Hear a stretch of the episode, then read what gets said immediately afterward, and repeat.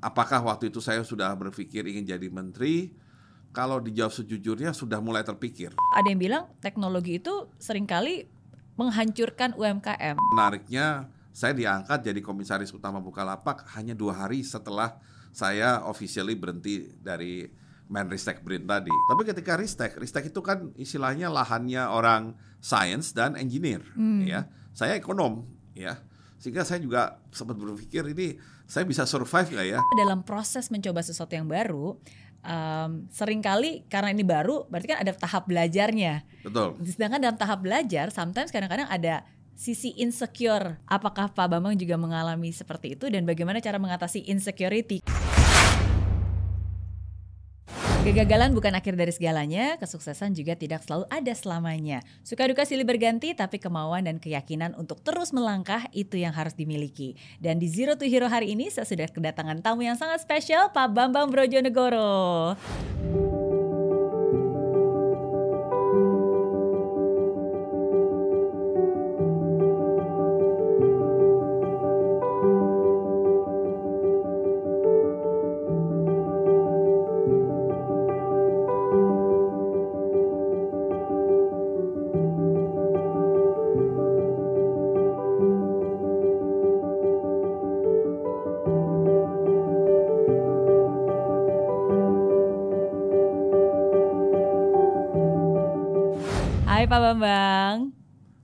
Kabar Mary? ya. Baik, terima kasih sudah meluangkan waktu untuk hadir ke sini. Sama-sama. Iya, senang banget bisa ketemu lagi sama Pak Bambang. Ya. Uh, pertama kali ketemu Pak Bambang waktu itu tujuh tahun yang lalu. Ya. Uh, karena Pak Bambang hadir di acara film premier film Mary Riana. Ya, uh, waktu itu nonton bareng keluarga ya. Bareng keluarga. Ya. Iya. Kayaknya emang Pak Bambang suka nonton film uh, True Story ya, saya dengar-dengar. Iya, betul sekali. Kalau milih film, kalau ada beberapa opsi pada saat yang sama biasanya preferably coba dulu yang uh, based on true story ya. hmm. ya. Karena kan true story juga macam-macam ya. Ada yang based on true story, ada yang inspired by true event, hmm. something like that. Jadi itu suatu yang menarik. Nah, habis itu baru mulai cari film yang lebih ke fantasi. Seperti Avenger. Ya. Oke, okay. tapi uh, apa yang menarik dari kisah True Story? Kenapa suka nonton film-film True Story kisah ya, nyata? Awalnya sih karena waktu saya SD, pelajaran salah satu pelajaran favorit saya itu sejarah, hmm. ya. Dan karena saya begitu suka sejarah, selain tentunya menghafal tahun, tempat, nama orang, saya juga membayangkan apa sih yang benar, sebenarnya terjadi pada waktu itu. Hmm. Jadi uh, story behind the eventnya itu yang kadang-kadang menarik buat saya. Hmm. Jadi begitu ada film atau uh, drama yang didasarkan atas kisah nyata tersebut, hmm. based on true story, makanya itu menjadi minat saya karena saya ingin tahu, misalkan uh, film misalnya Perang Dunia Kedua gitu ya. Yeah kita kan cuma taunya ya sejarah cuma momen-momennya saja. Iya. Nah, tapi cerita bahwa kenapa Jepang menyerah, kenapa Amerika memutuskan ikut perang, hmm. bagaimana pengambilan keputusan Amerika ikut perang atau kemudian Inggris memutuskan tidak mau apa mengalah sama Jerman, hmm. itu lebih menarik ketika kita melihat cerita di belakangnya. Okay. Ya. Karena kalau hanya melihat sejarah ya kita melihatnya segala sesuatu seolah-olah sesuatu yang simpel, yang linear, padahal kadang-kadang itu sangat complicated, Kompleks, sangat ya. rumit gitu. Betul. Dan latar belakang menjadi uh, salah satu yang penting karena itu bisa membuat konteks Betul. kejadian itu iya. kan. Ya. ya. Nah, sama nih hari ini uh, seperti kita tahu ada banyak sekali pencapaian yang sudah Pak Bambang lakukan. Nah, jadi sebelum kita ngomongin tentang pencapaian dan juga pemikiran-pemikiran ya. Pak Bambang khususnya di sektor teknologi, kita pengen tahu latar belakangnya nih. Oh, uh, kisahnya ya. dari Pak Bambang yang bisa menjadikan Pak Bambang menjadi sosok seperti yang sekarang. Nah, kalau kita balik lagi ke uh, masa kecil ya. ya. Tadi kan Pak Bambang memang bilang suka pelajaran sejarah. Ya, ya. Uh, tapi selain suka pelajaran sejarah, sebenarnya cita-citanya apa sih waktu kecil? Ya kebetulan begini, waktu SD itu saya baru, artinya saya sadar bahwa saya punya satu kelebihan yang barangkali tidak banyak dimiliki orang lain, yaitu uh, memori saya kuat sekali, cepat sekali menghafal, hmm. terutama kalau itu menyangkut tadi uh, nama orang, lokasi, tempat, dan juga event. Okay. Ya. Sehingga saya ingat sekali kalau uh, ulangan ya. Dulu kan istilahnya ulangan bukan tes ya. Iya. Ulangan sejarah, ulangan ilmu bumi itu istilahnya saya nggak perlu belajar. Ya. Wow. Karena ketika baca pun saya udah hafal semuanya gitu. Oke. Okay. Nah itu yang kemudian sempat membuat saya waktu SD apa saya jadi ahli sejarah ya, hmm. gitu ya. Tapi ya kebetulan karena saya dibesarkan di lingkungan ya di mana ayah saya almarhum, ayah saya sudah almarhum sejak saya tujuh tahun itu pendidikannya kan engineering hmm. ya uh, teknik teknik kimia tepatnya ibu saya kebetulan dokter ya. hmm. ya jadi bayangannya akhirnya ya ahli sejarah mungkin ya bisa dibayangkan oleh saya pada waktu itu sehingga mikirnya apakah mau jadi insinyur atau dokter ya okay. sesuai orang tua jadi waktu SD intinya cita-citanya lebih ke ahli sejarah sebenarnya hmm. tapi baru terbentuk ketika SMP baru mulai berpikir uh, insinyur atau dokter. Nah, hmm. Nah, ketika SMA itu arahnya sudah lebih ke insinyur sampai ke kelas 3 SMA, saya memutuskan masuk ekonomi. Oh. Ya. kelas 3 arahnya udah insinyur, habis itu kuliah memutuskan ke ekonomi. Masuk ekonomi. Apa ya. yang membuat berubah pikiran? Ya, kebetulan uh, alasan saya juga untuk apa tadinya ingin jadi insinyur mm -hmm. itu juga terpengaruh selain oleh ayah saya kan oleh kedua kakak saya. Mm. Jadi kakak saya tuh yang yang langsung di atas uh, lebih tua dari saya itu kan umurnya enam tahun bedanya. Mm. Jadi ketika saya lulus SD, dia sudah kuliah di ITB mm. di hmm. Bandung. Kakak saya yang pertama itu juga di ITB. Jadi dua-duanya di ITB. Nah, sehingga dan ayah saya yang uh, almarhum uh, sebelumnya pernah menjadi pembantu rektor, wakil rektor di mm. ITB. Jadi kita berpikir oh barangkali ITB itu tempat buat kita gitu, yeah. termasuk saya gitu. Nah sehingga saya coba ikuti uh, masuk SMA langsung pilih IPA ya tanpa ya kebetulan nilainya memenuhi syarat dan uh, ketika disuruh milih ya langsung milih IPA. Tapi ketika kelas 3 entah kenapa tahu-tahu segala sesuatunya menjadi uh, sulit ya, menjadi hmm. sangat uh, apa istilahnya, sangat banyak hambatan Ya, hmm. Ya, artinya kalau dulu tes atau ulangan tuh biasanya dapat bagus, tah kenapa waktu kelas 3 untuk pelajaran yang sama tuh nilainya hmm. pada turun ya. Okay. Dan satu lagi saya merasa uh, apa ya? kemampuan intelijensi saya tuh stuck ya ketika hmm. melihat soal-soal fisika, kimia hmm. dan terutama biologi ya. Padahal biologi itu kan sebenarnya setengah hafalan yeah. ya. Iya. Tapi entah kenapa kelebihan saya di bidang hafalan ini nggak jalan kalau di biologi. Okay. Sehingga akhirnya ketika um, lulus SMA ya saya melihat wah prestasi saya sudah nggak sebaik nggak sebagus waktu kelas 2 hmm. ya. Jadi saya memutuskan ya kita harus survive ya untuk masa depan. Hmm. Dan kebetulan pada saat yang sama uh, ibu saya men menceritakan ke saya bahwa uh, dulu waktu ayah saya masih ada kita tinggal di lingkungan di daerah Jalan Brawijaya di Jakarta Selatan itu dengan para profesor ekonomi hmm. ya. Jadi kita bertetangga dengan almarhum Prof Ali Wardana, Prof Wijoyo, Prof Sadli.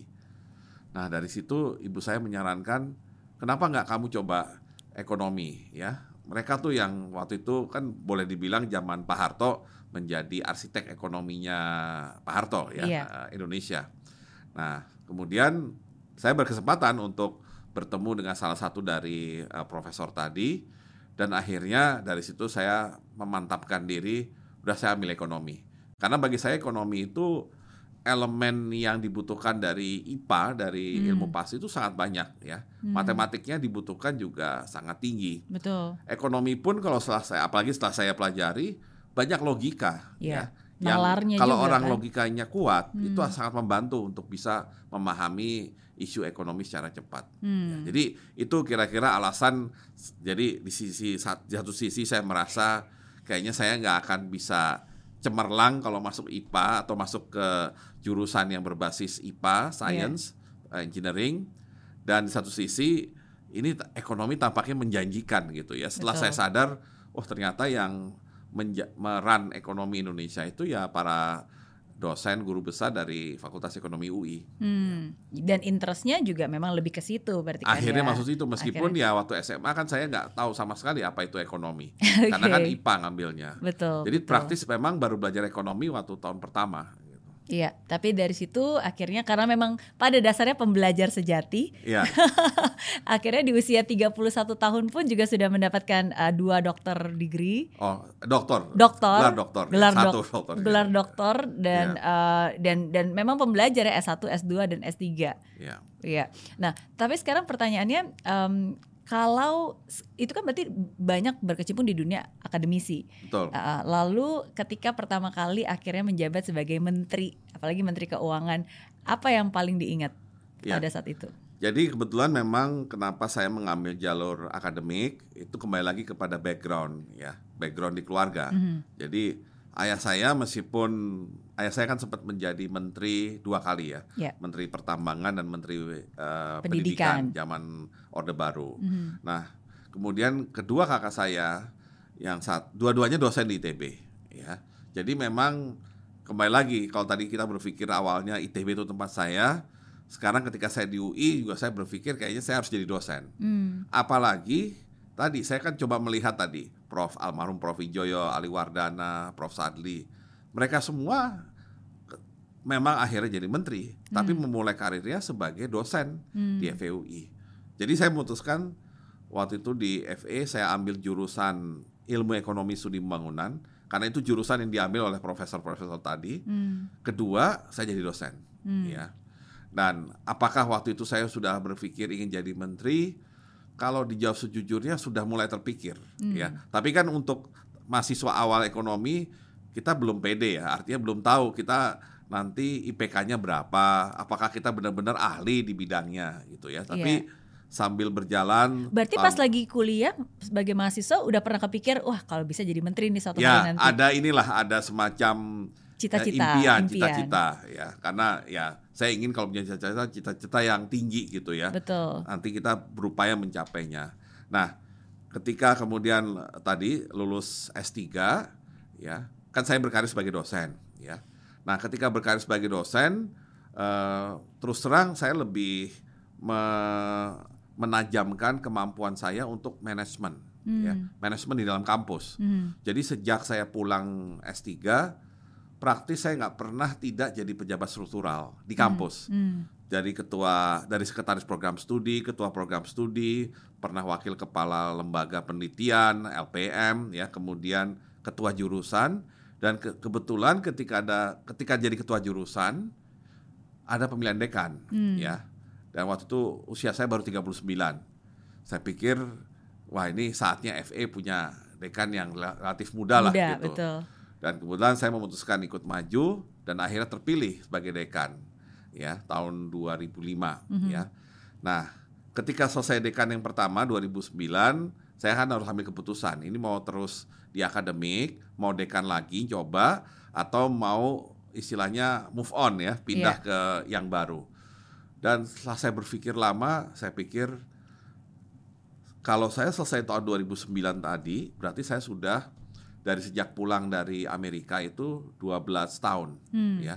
12 tahun paling tidak saya sudah memenuhi utang saya. Ya kan Hmm. saya eh, sekolah S3 kan dibiayai oleh pemerintah ya, Hmm. sebagian besar. Jadi eh, ada kewajiban dua kali N ya Oke. yang bisa saya penuhi persis tahun 2009 itu. Oke. Nah, ketika selesai dekan dan memutuskan tidak maju dekan lagi, saatnya saya berpikir bukan berpikir untuk ke universitas lain, tapi sepertinya kita harus mulai tadi kalau mau tadi jadi menteri kan harus masuk ke birokrasi. Birokrasi, betul. Tapi kebetulan pangkat saya tidak mencukupi. Ya Hmm. kan di birokrasi itu ada ada batasannya mau eselon 2 harus 4B, eselon 1 harus 4C. Hmm. Padahal saya waktu itu baru 3D kalau nggak salah. Karena terus terang saya agak agak males, bukan agak males sih, agak tidak terorganize lah untuk ngurusin kepangkatan jabatan. Oke. Dan akhirnya waktu itu saya sempat ke Jeddah, Saudi Hmm. Arabia.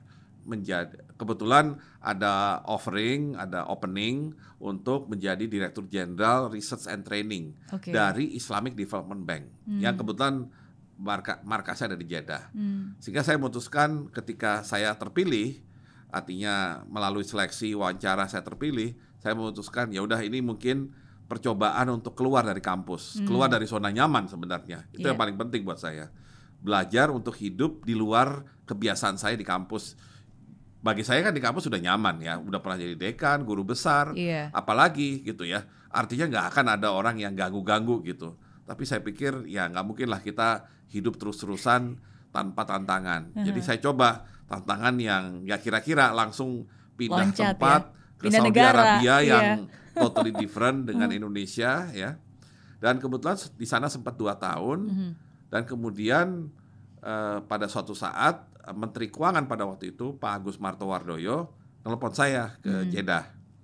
Kebetulan beliau baru diangkat jadi Menteri Keuangan, butuh eselon 1 kepala BKF, Badan Kebijakan Fiskal. Hmm. Dan dari rekomendasi beberapa orang eh, direkomendasikan agar saya yang posisi itu. Mhm. Sehingga Pak Agus telepon dan ketika saya pikir ya di satu sisi yang saya kan punya obligasi ya kepada IDB tiga tahun sebenarnya Hmm. kontrak. Tapi kebetulan karena IDB itu pemegang sahamnya juga Republik Indonesia, pemerintah Hmm. Indonesia, jadi Menteri Keuangan selaku gubernur IDB di Indonesia itu berhak untuk Memanggil. me- memutus kontrak. Pemutus gitu. kontrak, oke. Akhirnya setelah saya diskusi dengan Presiden IDB, disetujui dan mulailah jadi birokrat di tahun 2011. Itu awalnya saya masuk ke birokrasi dan memang saya niatkan saya harus mau mencoba di area yang baru karena birokrasi ini benar-benar sangat berbeda dengan kampus, sangat berbeda dengan IDB yang notabene adalah organisasi internasional. Oke. Nah, dari pengalaman jadi eselon 1 itulah kemudian ya naik eh, perlahan-lahan sampai jadi menteri dan yang paling penting eh, di eselon 1 tadi sebagai kepala BKF itu adalah pelajaran yang paling berharga. Di situlah saya bisa memahami bagaimana bekerja dalam birokrasi Hmm. dan bagaimana sebenarnya kita juga bisa berkontribusi maksimal Hmm. meskipun menjadi bagian dari birokrasi. Oke, tadi Pak Bambang menyebutkan tentang keluar dari zona nyaman ya. Iya. Karena kan kita harus berani keluar dari zona nyaman untuk mencoba sesuatu yang baru. Ya, Padahal kan sebenarnya dalam proses mencoba sesuatu yang baru, em, sering kali karena ini baru, berarti kan ada tahap belajarnya. betul. Sedangkan dalam tahap belajar, sometimes kadang-kadang ada sisi insecure dalam arti wah ini kayaknya belum bisa nih. Eh, apakah Pak Bambang juga mengalami seperti itu dan bagaimana cara mengatasi insecurity? Karena ini kan dunia yang baru, tantangan yang baru, Ya, betul kerjaan yang sekali. baru juga. Mhm. Kalau kembali ke cerita saya waktu SMA, sebenarnya barangkali saya bisa trauma gitu ya, karena waktu SMA itu saya benar-benar istilahnya kayak eh, stuck lah waktu kelas 3 itu ya, untuk bagaimana memahami yang namanya pelajaran-pelajaran IPA gitu. Dan pada waktu itu eh, sebenarnya ya ketika masuk ke ekonomi UI pun meskipun orang bilang itu kan IPS ya biasanya IPS kan katanya lebih Lebih mudah dari IPA gampang, betul. tapi tetap saja yang namanya ekonomi itu pelajaran baru Hmm. gitu jadi ketika saya masuk ekonomi dan ternyata setelah tahun pertama saya merasa saya paham ekonomi saya tahu bagaimana eko- eh, mempelajari ekonomi dan saya mulai menyukai ekonomi di situlah saya baru sadar bahwa kemampuan kita untuk mau belajar, mau memahami sesuatu yang baru, ya, itu adalah kunci di mana kita bisa eh, bergerak lebih cepat, ya. Karena kalau kita misalkan terus-terusan, misalkan saya nggak mau nyoba yang baru, ya, terus memaksakan diri, sebenarnya bisa saja.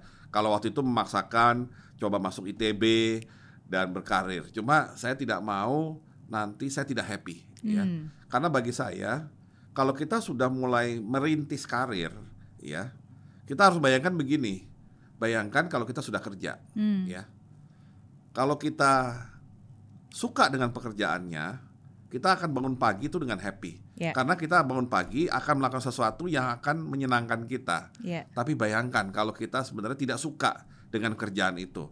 Kita kerja hanya karena kita butuh uang untuk meng- mem- apa, menghidupi keluarga, tapi esensi pekerjaan atau suasana pekerjaan kita nggak seneng. Hmm. Bayangkan setiap pagi kita harus siap-siap untuk melakukan sesuatu yang tidak menyenangkan. Every day, ya. Jadi saya nggak mau itu terjadi. Jadi begitu saya yakin saya senang ekonomi, saya sudah memutuskan bahwa saya harus ke sana. Dan itu bisa terjadi karena saya coba mempelajari. Nah, proses belajar juga yang kedua yang juga tidak mudah adalah ketika eh, saya masuk IDB tadi di Jeddah. Karena itu memang menjadi Dirjen Research and Training in general itu kan general. Tapi di sana kan uh, sistem keuangan yang dipakai bukan konvensional, yeah. tapi Islamic Finance, syariah kalau di sini. Dan saya terus terang di FEUI waktu itu dan syariah kan belum jadi mainstream waktu itu ya, belum menjadi perhatian. Sehingga akhirnya saya benar-benar nol lah hmm. ilmunya.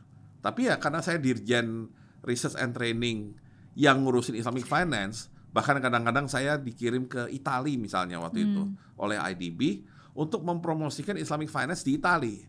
Ya, kan berarti saya harus paling nggak punya basic iya. knowledge mau ya. nggak mau harus tahu ya, kan dan hmm. harus bisa meyakinkan orang meyakinkan. itu dua hal loh Betul. basic knowledge sama convincing orang kan hmm. Sehingga akhirnya ya saya coba meskipun ya agak kilat saya coba pelajari hmm. Islamic finance itu seperti apa apa dasar-dasarnya terus apa yang menjadi kelebihan dan kekurangan dia dibandingkan conventional finance ya. hmm. ya dan meskipun ya ilmu saya juga sampai hari ini pun masih terbatas mengenai Islamic finance saya paling tidak saya merasa nyaman hmm. kalau kemudian saya harus berurusan dengan Islamic Finance. Dan ternyata itu berguna sekali waktu saya masuk Kementerian Keuangan, hmm. ya, uh, waktu jadi Menteri Keuangan atau, atau sebelumnya bahkan waktu eselon 1 Wakil Menteri Keuangan kan saya selalu dikirim untuk melakukan roadshow, hmm. ya roadshow untuk kita dalam rangka mencari uh, pendanaan, ya mencari utang sebenarnya surat utang negara. Mm. Nah ada surat utang negara yang bentuknya sukuk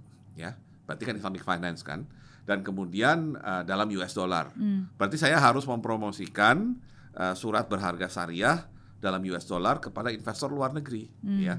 Dan ternyata pengalaman saya waktu di IDB itu sangat membantu, membuat saya lebih enak gitu ketika menjelaskan kepada uh, potensial investor. investor ya daripada saya hanya sekedar membaca buku atau sekedar dikasih tahu orang. Betul. Nah, jadi memang dalam hidup ini kunci kita untuk bisa lebih nyaman menjalani hidup dan sekaligus kita barangkali bisa meniti kesuksesan itu adalah tidak pernah berhenti belajar. Yeah. Jadi yang namanya lifetime uh, learning atau lifetime study itu bukan omong kosong, bukan jargon, yeah. tapi itu adalah memang uh, suatu yang sangat bermanfaat. Iya, belajar untuk mencintai belajar ya, karena ya bagaimana belajar, juga, terutama untuk uh, jangan pernah berhenti belajar untuk sesuatu yang baru. Hmm. Ya, kalau saya boleh tambah lagi satu lagi yang paling berat sebenarnya ketika jadi Menristek.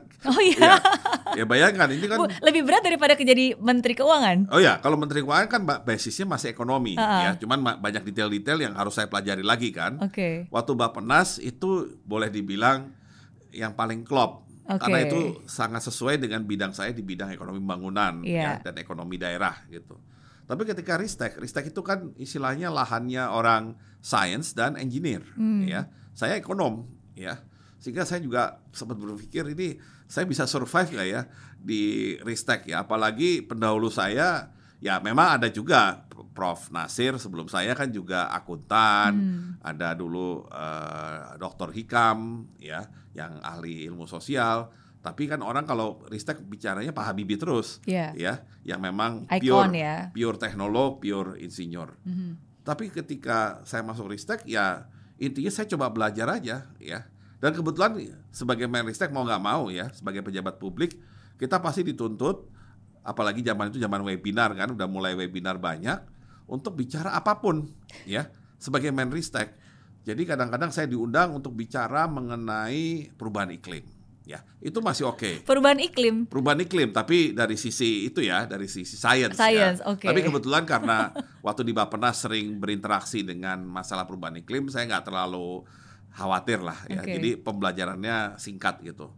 Tapi ketika belajar misalnya tentang drone ya, kemudian belajar tentang apalagi AI, artificial hmm. intelligence, mau nggak mau saya harus belajar gitu. Hmm. Dan kebetulan ya cara saya belajar ini uh, sambil bekerja, ya, apa learning by doing gitu hmm. istilahnya. Jadi setiap kali saya rapat, terutama dengan eselon 1 atau eselon 2, intinya tuh saya bukan hanya sekedar rapat. Pada saat yang sama saya belajar, hmm. ya. Jadi saya minta misalnya eselon 1 tolong paparkan mengenai ini suatu hal gitu.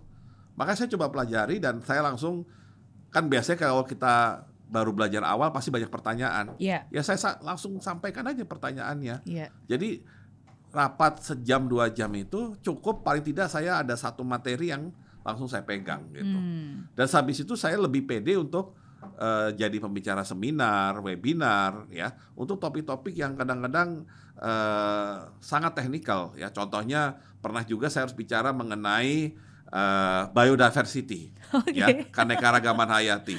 Yeah. Kan saya tadinya clueless wow. lah mengenai itu. Uh -huh. Tapi ya kebetulan yang menyiapkan kan orang yang ahli di bidangnya. Yeah. Dan memang uh, kelebihan seorang peneliti itu juga punya jiwa pendidik juga. Jadi dia ketika menyampaikan bahan tuh bukan menunjukkan eh saya tahu kamu nggak tahu Betul. gitu. Menggunakan Tapi bahasa yang sederhana saya ingin ya. share ingin apa yang share. saya tahu kepada Anda semua gitu. Sehingga itu lebih kayak materi pelajaran dan bagi hmm. saya itu lebih mudah dimengerti ya. hmm. ya.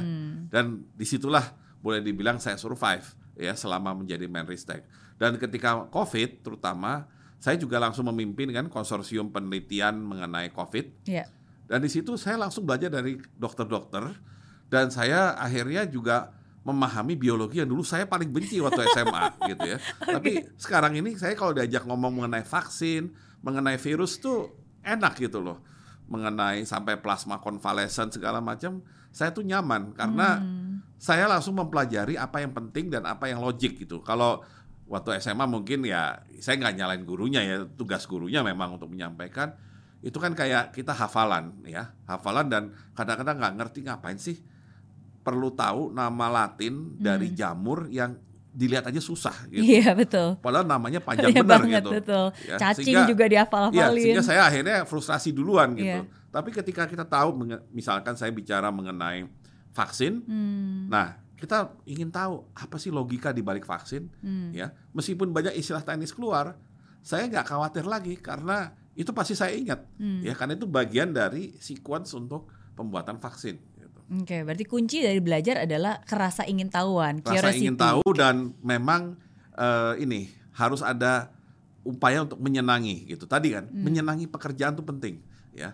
Jadi tipsnya adalah buat semua orang apalagi yang baru meniti karir, jangan jangan terjebak pada pekerjaan tidak menyenangkan, ya. Yeah. Karena Mary pasti tahu lah kalau orang sudah depresi dengan pekerjaannya kan nanti ujungnya kepada sakit ya sakit Betul. yang fisik yang barangkali malah bisa membahayakan nyawa gitu. dan efeknya ke mana ke semuanya kan ke dan keluarga, ke, keluarga ke hubungan dengan ya. sesama ya oke berarti um, tiga kementerian sudah dilewati ya. dan akhirnya sebagai uh, mantan Menristek terakhir. Iya terakhir. Karena habis ini udah nggak ada lagi Mungkin ya. Mungkin saya bisa dua kategori itu. Satu mantan apa sorry jadi Menristek terakhir. Uh -huh. Sama saya juga baru sadar saya satu-satunya Menristek BRIN yang oh. pernah ada di Republik ini. Okay. Karena kan uh, Ristek BRIN baru terbentuk ketika kabinet 2019 kemarin kan, ketika yeah. saya jadi menteri. Itu pertama kali Menristek BRIN, okay. karena BRIN-nya itu Badan Riset Inovasi Badan Riset ya. Inovasi itu dibikin garis miring gitu, kayak mm. Bapenas. Mm. Kan Bapenas itu Menteri PPN, garis miring kepala Bapenas. Hmm. Sehingga suka disebut Menteri PPN Bapenas. Hmm. Nah, kalau ini kan Menristek BRIN jadinya karena digabung. Dan sekarang karena Risteknya ke Dikbud, Brinnya berdiri sendiri, berarti nggak ada kan Menristek Brin. So I'm the only one. The only one. Menristek Brin in Indonesian history. Betul. Dan sekarang mengeksplor sesuatu lagi yang baru.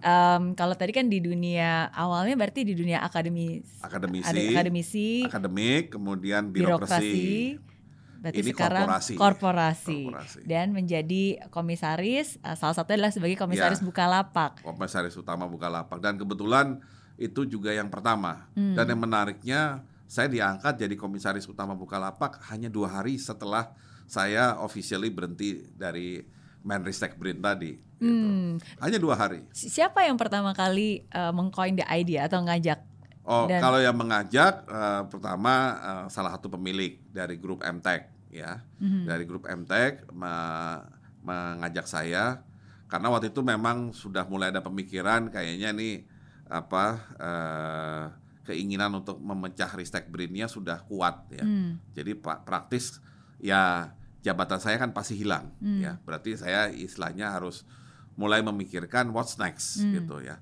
pasti kembali ke kampus itu pasti. Sekarang pun saya juga udah kembali ke kampus. Masih ya? Uh, ya ngajar. Masih ya ngajar mungkin belum ya karena semester udah hampir selesai. Mm -hmm. Tapi saya sudah terlibat lagi di Dewan Guru Besar. Saya mm -hmm. kebetulan MWA UI ya. Jadi saya mulai aktifkan dan kemudian uh, status pegawai negeri saya juga dihidupkan kembali di UI mm. ya. Nah, Tapi juga saya berpikir akademik itu sudah saya lewati 12 tahun ya. Birokrasi udah 10 tahun. Iya. Jadi saya pikir ini saatnya korporasi. Dan kebetulan waktu eselon 1 dan wakil menteri pernah menjadi komisaris. Mm -hmm. Bahkan waktu di UI juga pernah jadi komisaris. Jadi apa berkecimpung di korporasi sebenarnya tidak tidak dari nol, hmm. tetapi memang waktu itu tidak tidak full time lah karena saya harus ada jabatan yang saya rangkap kan. Yeah. Nah sekarang ini kan berarti full time karena uh, kewajiban lainnya hanya sebagai uh, dosen ya. Hmm. Nah karena itulah uh, ketika ada tawaran ya apalagi Bukalapak mau IPO yeah. ya, maka saya menyambut baik ya dan bagi saya ini salah satu kelanjutan yang mulus dari Menristek karena hmm. Bukalapak itu kan kategorinya startup ya. Startup itu definisinya perusahaan pemula berbasis teknologi hmm. gitu. Definisi bakunya gitu. Hmm. Dan Bukalapak jelas berbasis teknologi digital dan kemudian dia sudah unicorn.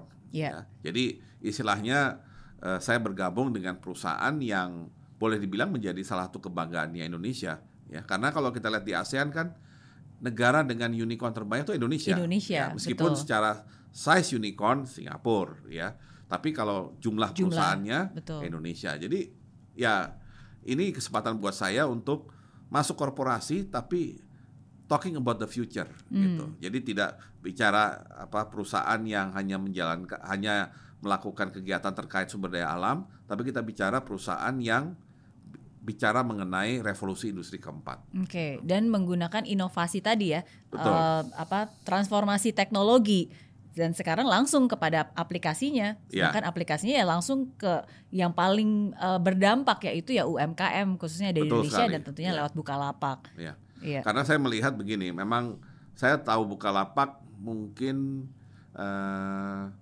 di antara unicorn-unicorn yang saya kenal waktu zaman Menristek Bukalapak yang saya termasuk yang paling familiar ya. Hmm. Familiar karena kebetulan kenal uh, pribadi dengan uh, pemilik MTech tadi dan kemudian uh, juga uh, sudah ke kenal dengan founder dari Bukalapak hmm. Ahmad yaitu Zaki. Mas Ahmad Zaki sama Mas Fajrin, Fajrin. ya. Yeah.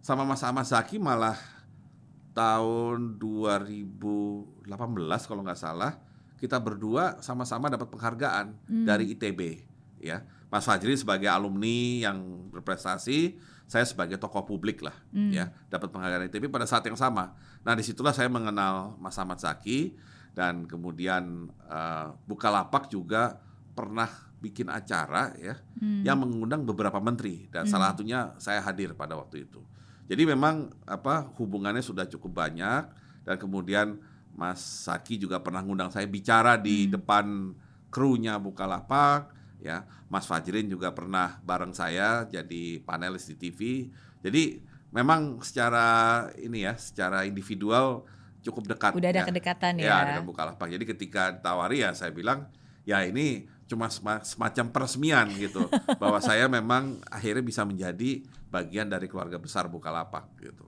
Oke, nah kalau berbicara tentang uh, eh, UMKM di Indonesia dan tentu saja Bukalapak ini menjadi salah satu um, apa ya solusi ya untuk yeah, membantu yeah. UMKM, uh, apalagi dengan berbasis teknologi.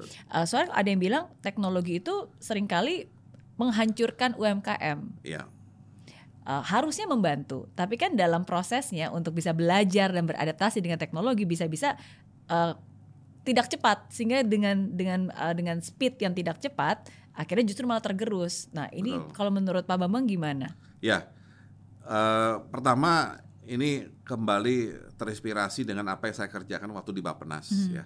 Waktu di Bapenas kebetulan Presiden menugaskan saya untuk segera menyelesaikan visi 2045. Hmm. Visi ketika Indonesia 100 tahun kemerdekaan, Indonesia mau jadi apa gitu. Hmm. Nah, tentunya kalau udah 100 tahun merdeka ya kita nggak boleh dong masih bilang ya kita negara yang sama-sama saja dengan sebelumnya. Hmm. Kita harus berbeda. Salah satu perbedaannya adalah Indonesia harus keluar dari middle income trap namanya, hmm. jebakan kelas menengah, menjadi negara maju. Nah, pertanyaannya kan bagaimana menjadi negara maju? Ya, kita coba pelajari beberapa negara yang sukses yeah. bisa keluar dari middle income trap.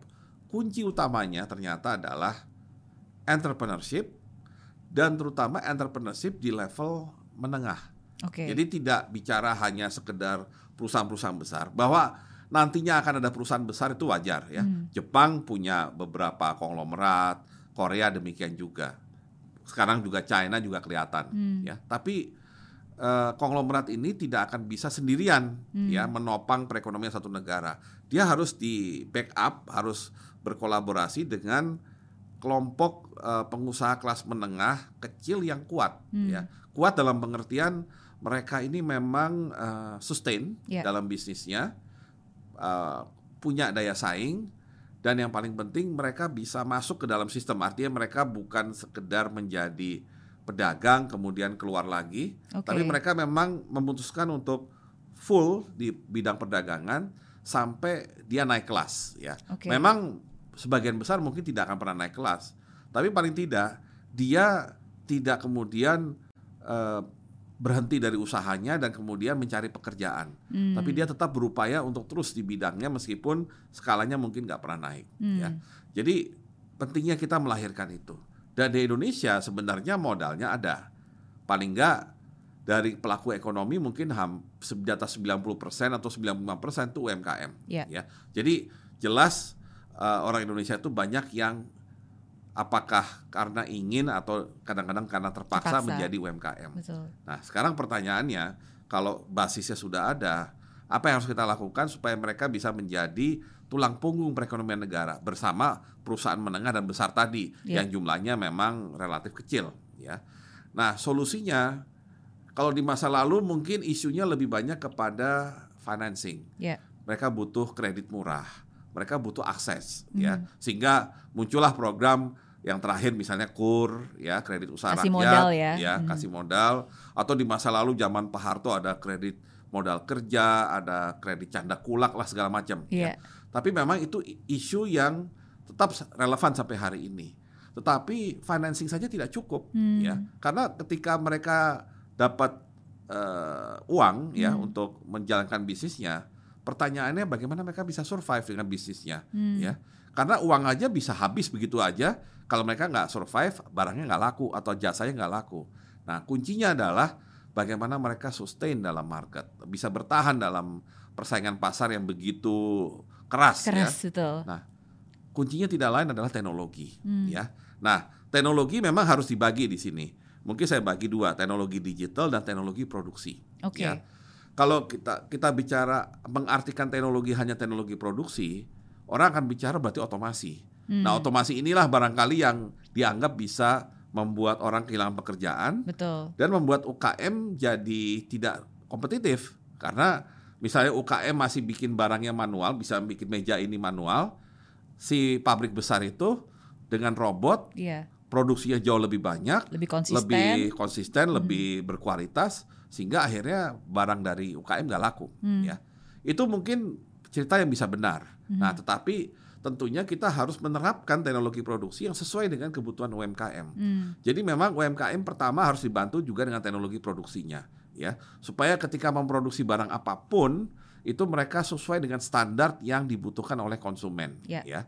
paling tidak uh, setara dengan pesaingnya nah tetapi di sisi lain kalau ini kan sisi produksinya Betul. ya misalkan kita sudah buat barang produksinya bagus konsis apa konsisten berkualitas pertanyaannya mau jual, jual gimana ke siapa, ya kan betul. nah di sinilah teknologi digital berperan mm -hmm. ya termasuk yang dilakukan oleh Bukalapak karena Bukalapak itu memberi kesempatan ya kepada para UKM ini untuk bisa satu mendapatkan market yang lebih luas hmm. ya.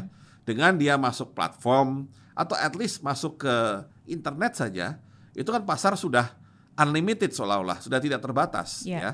Apalagi masuk market platform yang sudah lengkap dengan uh, ekosistem pembayarannya, dengan pengantarannya hmm. sehingga akhirnya barang yang dibuat entah di mana tahu-tahu bisa sampai di depan kita yeah. ya nah itu teknologi digital faktor pertama dari teknologi digital yang dalam hal ini buka lapak yang bisa langsung membantu ya nah faktor kedua adalah untuk si uh, eh, UKM-nya itu sendiri ya hmm. mereka bagaimanapun adalah perusahaan sebenarnya yeah. cuma perusahaan yang mungkin skala mikro kecil Betul. paling tinggi mungkin menengah nah untuk bisa membuat produk mereka kompetitif selain tadi aspek teknologi produksi, manajemen perusahaan juga penting. Yeah. Ya, kalau mereka nggak bisa ngelola keuangan dengan baik, ya nggak bisa buat catatan mengenai inventory, nanti biaya produksi jadi mahal, yeah. barangnya tidak kompetitif, atau dia merasa udah jual 100, kok uangnya cuma jual 70 gitu. Hmm. Nah, jadi membereskan manajemen itu penting. Dan kebetulan Bukalapak ini punya kelebihan dibanding banyak uh, market platform lain, yaitu dia punya uh, program atau punya fitur hmm. namanya Mitra Bukalapak. Oke. Okay. Ya. Nah, Mitra Bukalapak itu bukan hanya sekedar tadi UKM bisa jualan di market platform itu satu yeah. hal yang penting ya. Yeah. Tapi more than that ya, lebih dari itu. Lebihnya apa? Si toko misalkan kan istilahnya kalau di Amerika mom and uh, pop store okay. ya. Jadi kalau di kita toko mungkin kelontong, toko kelontong ya, toko kelontong, warung-warung gitu ya. Warung-warung itu kan biasanya terbatas yeah. ya. Dia hanya menjual produk yang ada secara fisik dan yang membeli hanya orang-orang di sekitar situ. Yeah. Nah, dengan teknologi digital, satu barangnya kalau ada yang unik bisa dijual di secara luas ya yeah. dengan pengiriman dan segala macam. Tapi yang lebih penting yang kedua, dia bisa menambah jumlah barang yang dijual di situ ya. Hmm. Selama ini kan mereka mengandalkan supplier yang mungkin ya sudah bertahun-tahun dengan mereka. Yeah. Dan kadang-kadang lancar tidaknya tergantung uh, bayarnya Bayar. cepat atau enggak dan segala yeah. macam. Jadi banyak sekali hambatan untuk mereka jadi besar. Hmm. Nah, dengan adanya sistem mitra Bukalapak ini, maka mereka kan ter, terakses atau terekspos secara hmm. online. Di situlah dia bisa cari barang dari wholesaler, dari pedagang besar dengan harga yang kompetitif dan nanti bisa menambah barang jualan hmm. di warung atau di toko kelontong tadi ya.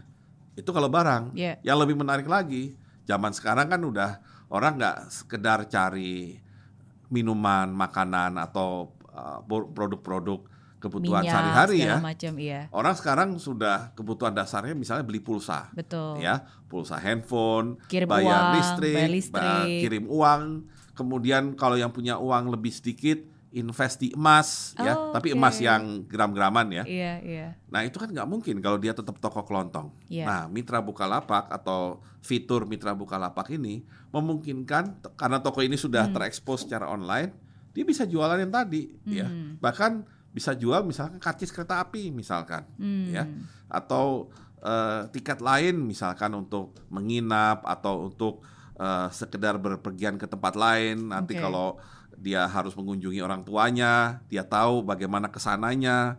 Sudah semuanya ada di toko tersebut. Okay. Ya. Nah itulah menurut saya model pemberdayaan UMKM yang benar. Jadi kita tidak sekedar kasih kredit murah yeah. atau melakukan charity CSR yang cuma one time itu ya one time uh, event Sekali, ya, ya. Betul. tapi kita melakukan sesuatu yang memberdayakan mereka hmm. membuat mereka naik kelas mungkin tadinya awalnya mikro jadi kecil hmm. ya bahkan di kecil pun kan juga mungkin dia bisa terus meningkatkan salesnya dan siapa tahu meningkatkan profitnya hmm. ya dan kemudian yang paling penting belajar manajemen modern hmm. jadi ngelola toko itu basically kan mengelola perusahaan ya. Betul. ya cuma perusahaan skala kecil dan karenanya meskipun kecil sudah harus dikelola secara, secara benar, benar ya. Iya. Paling enggak bikin laporan keuangan deh iya. ya. Itu kan kadang-kadang susah ya. Betul. ya. Dan buat pemerintah itu juga penting karena kalau perusahaan-perusahaan ini makin besar dan bisa mengelola laporan keuangan secara baik ya. Ini karena saya mantan menteri keuangan,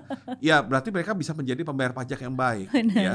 Dan pajak itu kan bukan sesuatu yang jahat. Pajak itu kan nantinya juga dipakai untuk keperluan masyarakat ya. Betul. ya. Jadi saya melihat di sini yang dilakukan oleh Bukalapak, terutama di mitra Bukalapak, itu adalah suatu eh, apa gerakan ekonomi inklusif yeah. yang barangkali kita butuhkan lebih banyak. Ya. Hmm. Saat ini kalau nggak salah mitra Bukalapak sudah 7 juta, yeah. Tapi 7 juta UMKM ya. Kalau menurut datanya tempatnya Pak Teten itu jumlah UMKM 64 juta. Hmm. Itu barangkali yang terregister atau yang bisa terdata. Saya yakin jumlahnya lebih dari itu karena kan mereka sifatnya informal ya. Hmm. Nah, kalau ini baru 7 juta meskipun yeah. kelihatan besar, ini masih ada 57 juta yang belum yang masih barangkali perlu di empower ya, perlu diperkuat. Hmm. Jadi saya berharap memang selain Bukalapak makin besar terutama dengan IPO ini size-nya kekuatannya makin besar sehingga kemampuannya mendorong ekonomi inklusif ini menjadi lebih kuat. Hmm. Dan tentunya mudah-mudahan ini menjadi inspirasi bagi startup lain, bagi para pengusaha milenial, pengusaha muda yang lain untuk melakukan hal yang sama. Mungkin nggak harus persis ya, yeah. tapi mereka pasti punya cara dengan kemampuan teknologi mereka yang luar biasa. Saya lihat anak-anak muda ini sekarang selain mungkin secara intelektual lebih bagus dari generasi kita, yang kedua apa? Mereka jauh lebih kreatif. Yeah. Ya, mungkin karena mereka sudah terekspos dengan berba dengan banyak hal. Banyak ya. hal tuh dari sejak muda ya. Yeah. Sehingga mereka saya yakin akan menemukan cara di mana mereka tetap bisa berbisnis dengan normal, tetap bisa memuaskan shareholdernya, tapi di sisi lain juga memberikan manfaat besar bagi masyarakat secara umum. Oke, okay. tapi memang setuju sih seperti yang tadi Pak Bambang bilang kan, kalau misalnya menurut data dari Pak Teten memang uh, mungkin kurang dari 20% UMKM yang memang sudah beralih dari offline ke online. Betul. Ya kan sangat di, di bawah dari 20% yeah, yeah. bahkan kan dan salah satu caranya dengan menjembatani tadi yeah. karena kan sebenarnya yang punya akses untuk ke online lebih banyak di mungkin di kota-kota besar mungkin Betul. mereka sudah terbiasa dan sering kali UMKM yang mungkin berada di kota tier 2 atau iya, mungkin yeah, yeah. di di di pedesaan gitu yeah, yeah. mereka kan juga punya warung mereka juga punya UMKM cuma mereka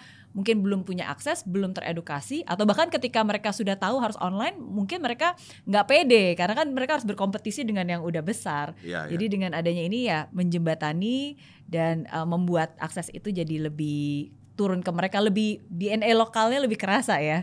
Betul dan hmm. tadi ya memang ada faktor yang saya lupa cerita bahwa fokus dari Mitra Bukalapak ini adalah di tidak di tier 1 ya, hmm. ya tidak di lima kota besar hmm. Jakarta, Surabaya, Semarang, Bandung, Medan hmm. ya. Tapi justru di luar itu. Kenapa? Ya meskipun penduduk kita tuh 270 juta. Yeah tapi sebenarnya yang tinggal di luar tier 1 tadi itu 230.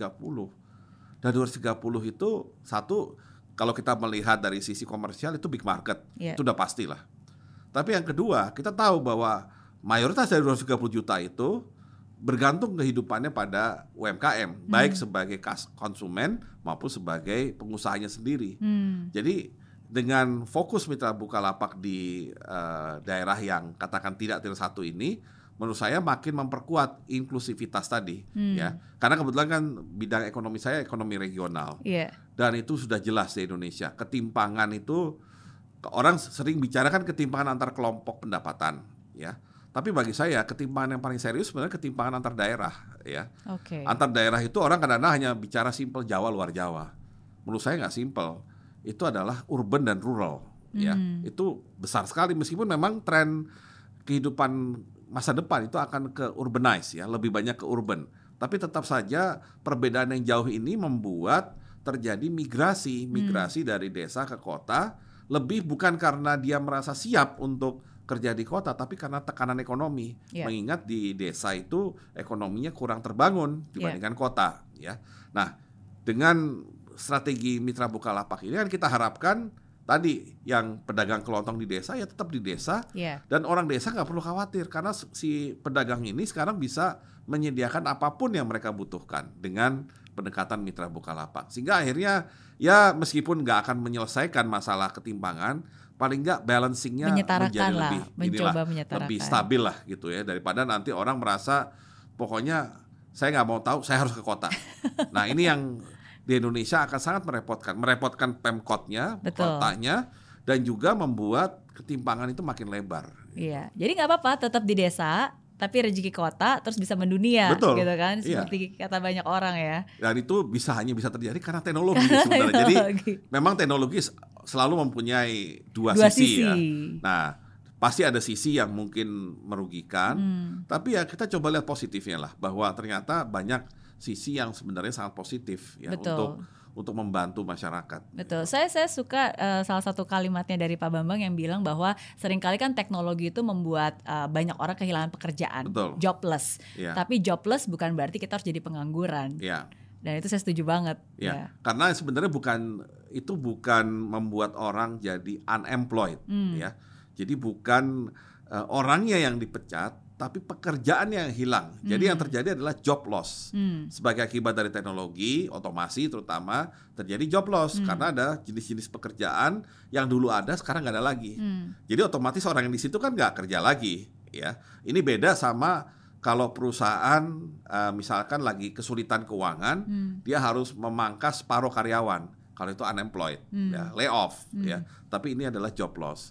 Nah, tapi di sisi lain dari yang terutama saya pelajari waktu Menristek dan berbagai kajian mengenai bagaimana ekonomi digital hmm. masa depan akan muncul pekerjaan baru, yeah. ya. Pekerjaan baru itu bisa muncul dari dua sisi loh.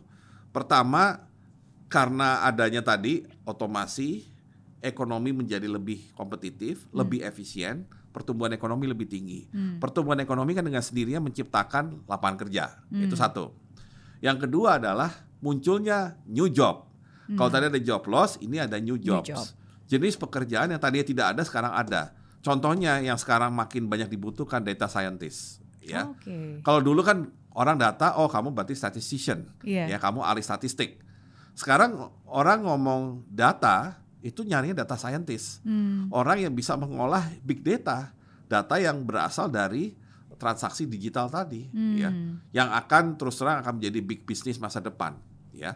Dan Bukalapak itu salah satunya yang punya data yang luar biasa sebenarnya karena misalkan Mary suka misalnya ya yeah. jadi pelanggan di Bukalapak kan ketahuan kan Beli Mary itu belanjanya apa terus kalau beli misalkan apakah di awal bulan, di tengah bulan, oh, apa di akhir bulan okay. ya.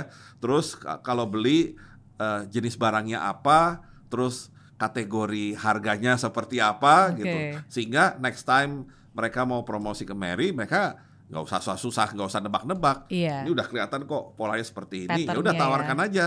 Ya, misalkan kalau belanja selalu awal bulan ya. Yeah. Biasanya orang gajian kan banyak belanja misalnya.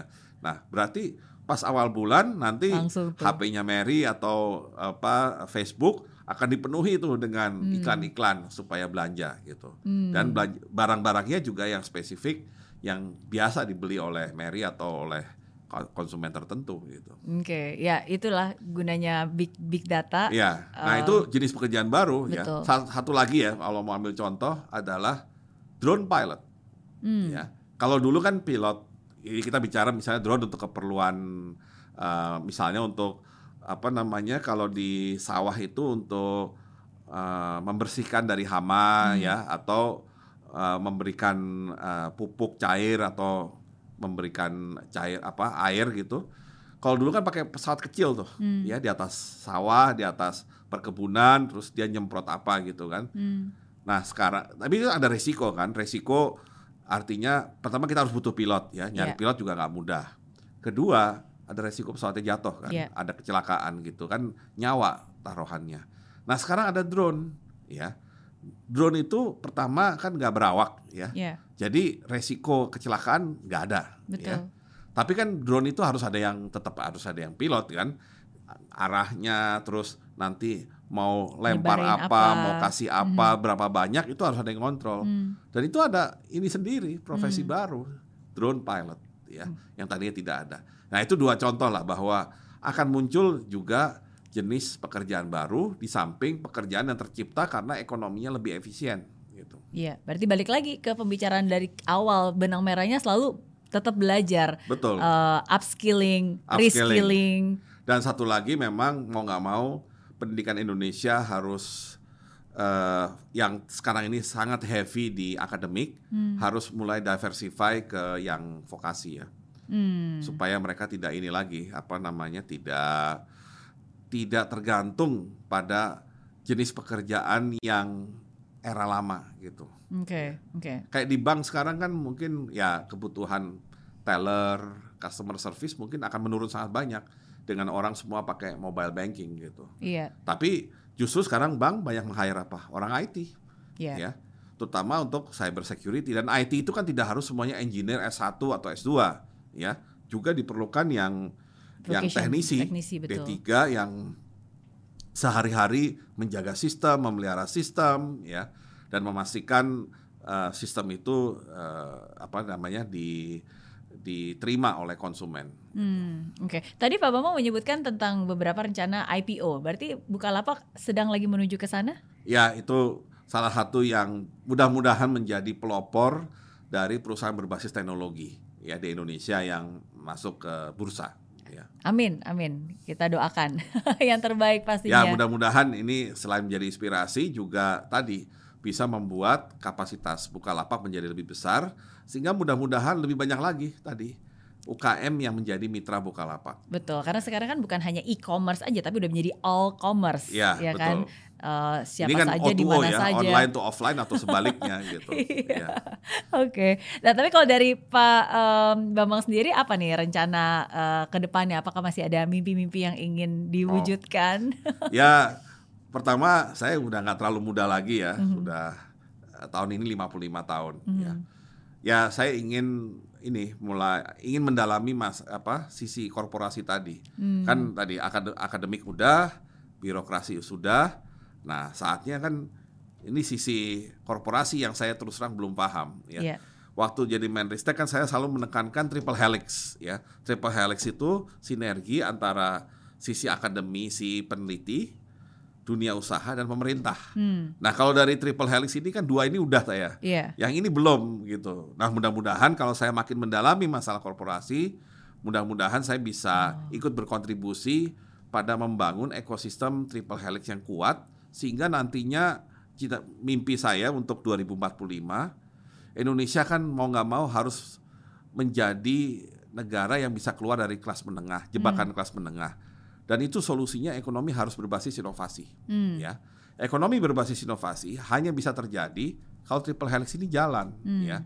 Karena paling at the end of the day, dunia usahalah yang membawa produk-produk riset, produk-produk penelitian ke market, yeah. ya baik melalui industri maupun melalui marketingnya ya nah di situlah saya ingin lebih memahami sisi korporasi sehingga nanti lengkap ya hubungannya menjadi lengkap ya karena sebagai pemerintah saya sudah pernah iya. sebagai akademik juga pernah saya juga pernah jadi peneliti meskipun peneliti di bidang ekonomi iya. nah sekarang perlu tahu nih di korporasi apa sih sebenarnya yang dilihat dari pemerintah maupun dari sisi uh, akademik Iya, dan bisa jadi mungkin menjadi orang pertama juga nih yang berada di tiga-tiganya ya, kami semuanya komplit. Mungkin ya pertama lah ya, tapi intinya saya punya mimpi lah. Saya tuh setelah menyelesaikan 2045 ya selalu terobsesi lah ingin ngelihat Indonesia tuh menjadi satu dari sangat sedikit negara di dunia yang keluar dari kelas menengah, eh hmm. keluar dari jebakan kelas menengah.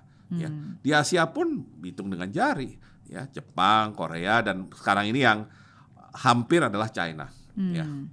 Tapi Jepang Korea itu benar-benar kekecualian dan lebih banyak negara yang gagal masalahnya, baik di Asia dan di Amerika Latin terutama yang banyak gagal. Gagal dalam pengertian dia akhirnya trap, yeah. ya. benar-benar kena jebakan kelas menengah. Alias dia ya di kelas menengah terus gitu. Betul. Ketika lagi mau baik, tahu-tahu ada sesuatu yang membuat mereka turun gitu. Iya. Nah kita juga bukan berarti pasti jadi, cuman ya kayak pandemi sekarang kan terus terang juga membuat kita jadi agak khawatir juga nih jangan-jangan upaya kita untuk keluar itu menjadi lebih sulit ya, Betul. ya menjadi lebih panjang dari yang seharusnya. Hmm, tapi we are going towards the right direction dan kerasa sih maksudnya sejauh ini ya. Uh, buat saya yang 16 tahun tinggal di Singapura, balik ke Indonesia tahun 2014 dan 7 tahun di sini, yeah. I can feel the difference gitu. Maksudnya yeah. saya pun bisa merasakan perubahan dinamisnya. Yeah. Uh, ya itu tadi most uh, uh, start uh, unicorn yeah. uh, startup itu juga paling banyak yang di Southeast Asia Betul. berasal dari Indonesia yeah, iya. gitu, yeah. and it's growing. Mm-hmm. At least ekonomi kita tuh kategorinya ekonomi yang growing, yeah. itu penting. Dan kebetulan ekonomi kita besar, yeah. ya kita kan by size GDP kita nomor 16 di dunia dan kita sudah masuk kategori one trillion dollar ekonomi, one trillion US dollar ekonomi. Mm. Artinya ini ekonomi yang ekonomi yang nggak main-main, ekonomi mm. besar 270 juta tapi masih growing iya. karena yeah. ada ekonomi yang besar tapi udah nggak growing lagi ya bahkan ada ekonomi yang penduduknya malah turun yeah. ya nah kita ini sekarang sedang uh, bonus demografi jadi ini harus benar-benar dimanfaatkan ya harapan saya bonus demografi artinya younger population harapannya uh, ada bagian yang signifikan dari younger population yang mau jadi entrepreneurs hmm. dan karena kita bicara entrepreneurs masa depan pasti nggak jauh-jauh dari startup yeah. ya jadi ya istilahnya startup barangkali adalah uh, jawaban kita terhadap uh, solusi untuk mencapai uh, cita-cita 2045. Amin, amin. Saya juga percaya. Yeah. Oke, terakhir untuk Pak Bambang, yeah. um, saya yakin dari 55 tahun di hidup ini udah banyak yeah. banget pembelajaran. Apa satu nasihat terbaik yang pernah didapatkan oleh Pak Bambang? Ya, uh, kalau saya intinya adalah jangan pernah berhenti belajar hmm. ya karena apa? Banyak orang menganggap belajar itu hanya di sekolah hmm. ya. Ada gurunya ada ada ujian dan segala macam. Tapi belajar yang paling penting dan ternyata lebih mudah masuk ke kita itu adalah belajar dalam hidup hmm. ya. Termasuk belajar dalam pekerjaan ya. Jadi yang orang selalu bilang learning by doing itu ternyata saya rasakan benar manfaatnya ya. Karena di situlah saya malah lebih mudah mengerti hal-hal yang barangkali waktu kuliah kok kayak susah untuk memahami apa sih maksudnya nih. Yeah. Tapi begitu kerja, begitu lebih tahu bagaimana realitasnya, kok jadi lebih mudah gitu hmm. untuk memahaminya. Nah jadi intinya jangan pernah berhenti belajar. Itu mungkin nasihat paling simple karena itu juga akan membuat kita survive. Yeah. Kan kita kadang-kadang hidup kan nggak lancar ya. Seperti kita lagi di kerjaan enak-enak, tahu-tahu perusahaannya bangkrut yeah. misalkan. Kan kita meskipun orang yang baik-baik aja kan terpaksa berhenti, bukan salah kita. Betul. Nah, tetapi jangan sampai kalau kita ber, malas belajar, kemudian kita akhirnya kesulitan karena mungkin offering yang ada di bidang yang sangat sama sekali berbeda. Hmm. Nah, di situlah kita harus berani masuk. Dan saya lihat banyak contoh orang sukses yang apa yang dia bikin sukses, apa kerjaan yang bikin sukses, beda dengan S1-nya S1. dia atau bahkan S2-nya dia gitu. Kadang-kadang totally different gitu. Iya. Saya sarjana teknik elektro Pak Bambang. Oh, iya, iya. Termasuk salah satunya yang yeah. beda haluan. nah, itu justru itu yang harus ditularkan kepada semua orang bahwa pendidikan tetap penting iya, ya. Betul. We need the logic dari betul. proses pembelajaran kita sampai S1 gitu. Iya. Tapi beyond that ketika sudah bekerja maka bukan ilmu lagi yang menjaga kita, yang menjaga kita adalah diri kita sendiri. Hmm. Karena itu ilmu yang kita miliki harus terus diperkaya, ya. Oke, okay. Thank you sekali lagi. Hari Sama-sama. ini saya sudah belajar yeah. banyak banget dari Pak Bambang. Uh, sukses terus buat Bukalapak. Yeah. Uh, sukses terus pastinya juga untuk Pak Bambang. Yang paling penting. Sama-sama buat Mary juga. yang, yang paling penting jaga kesehatan. Iya. Yeah. Iya, sama-sama. Dan friends, semoga apa yang dibagikan hari ini bisa bermanfaat. Seperti saya bilang, setiap orang punya kisah dan setiap kisah selalu membawa pelajaran berharga. Semoga pelajaran berharga dari Pak Bambang hari ini bisa diterapkan dan digunakan dan bisa membawa dampak positif dalam kehidupan kalian semua. Apa pun yang terjadi, fight till the end and never give up. Bye-bye.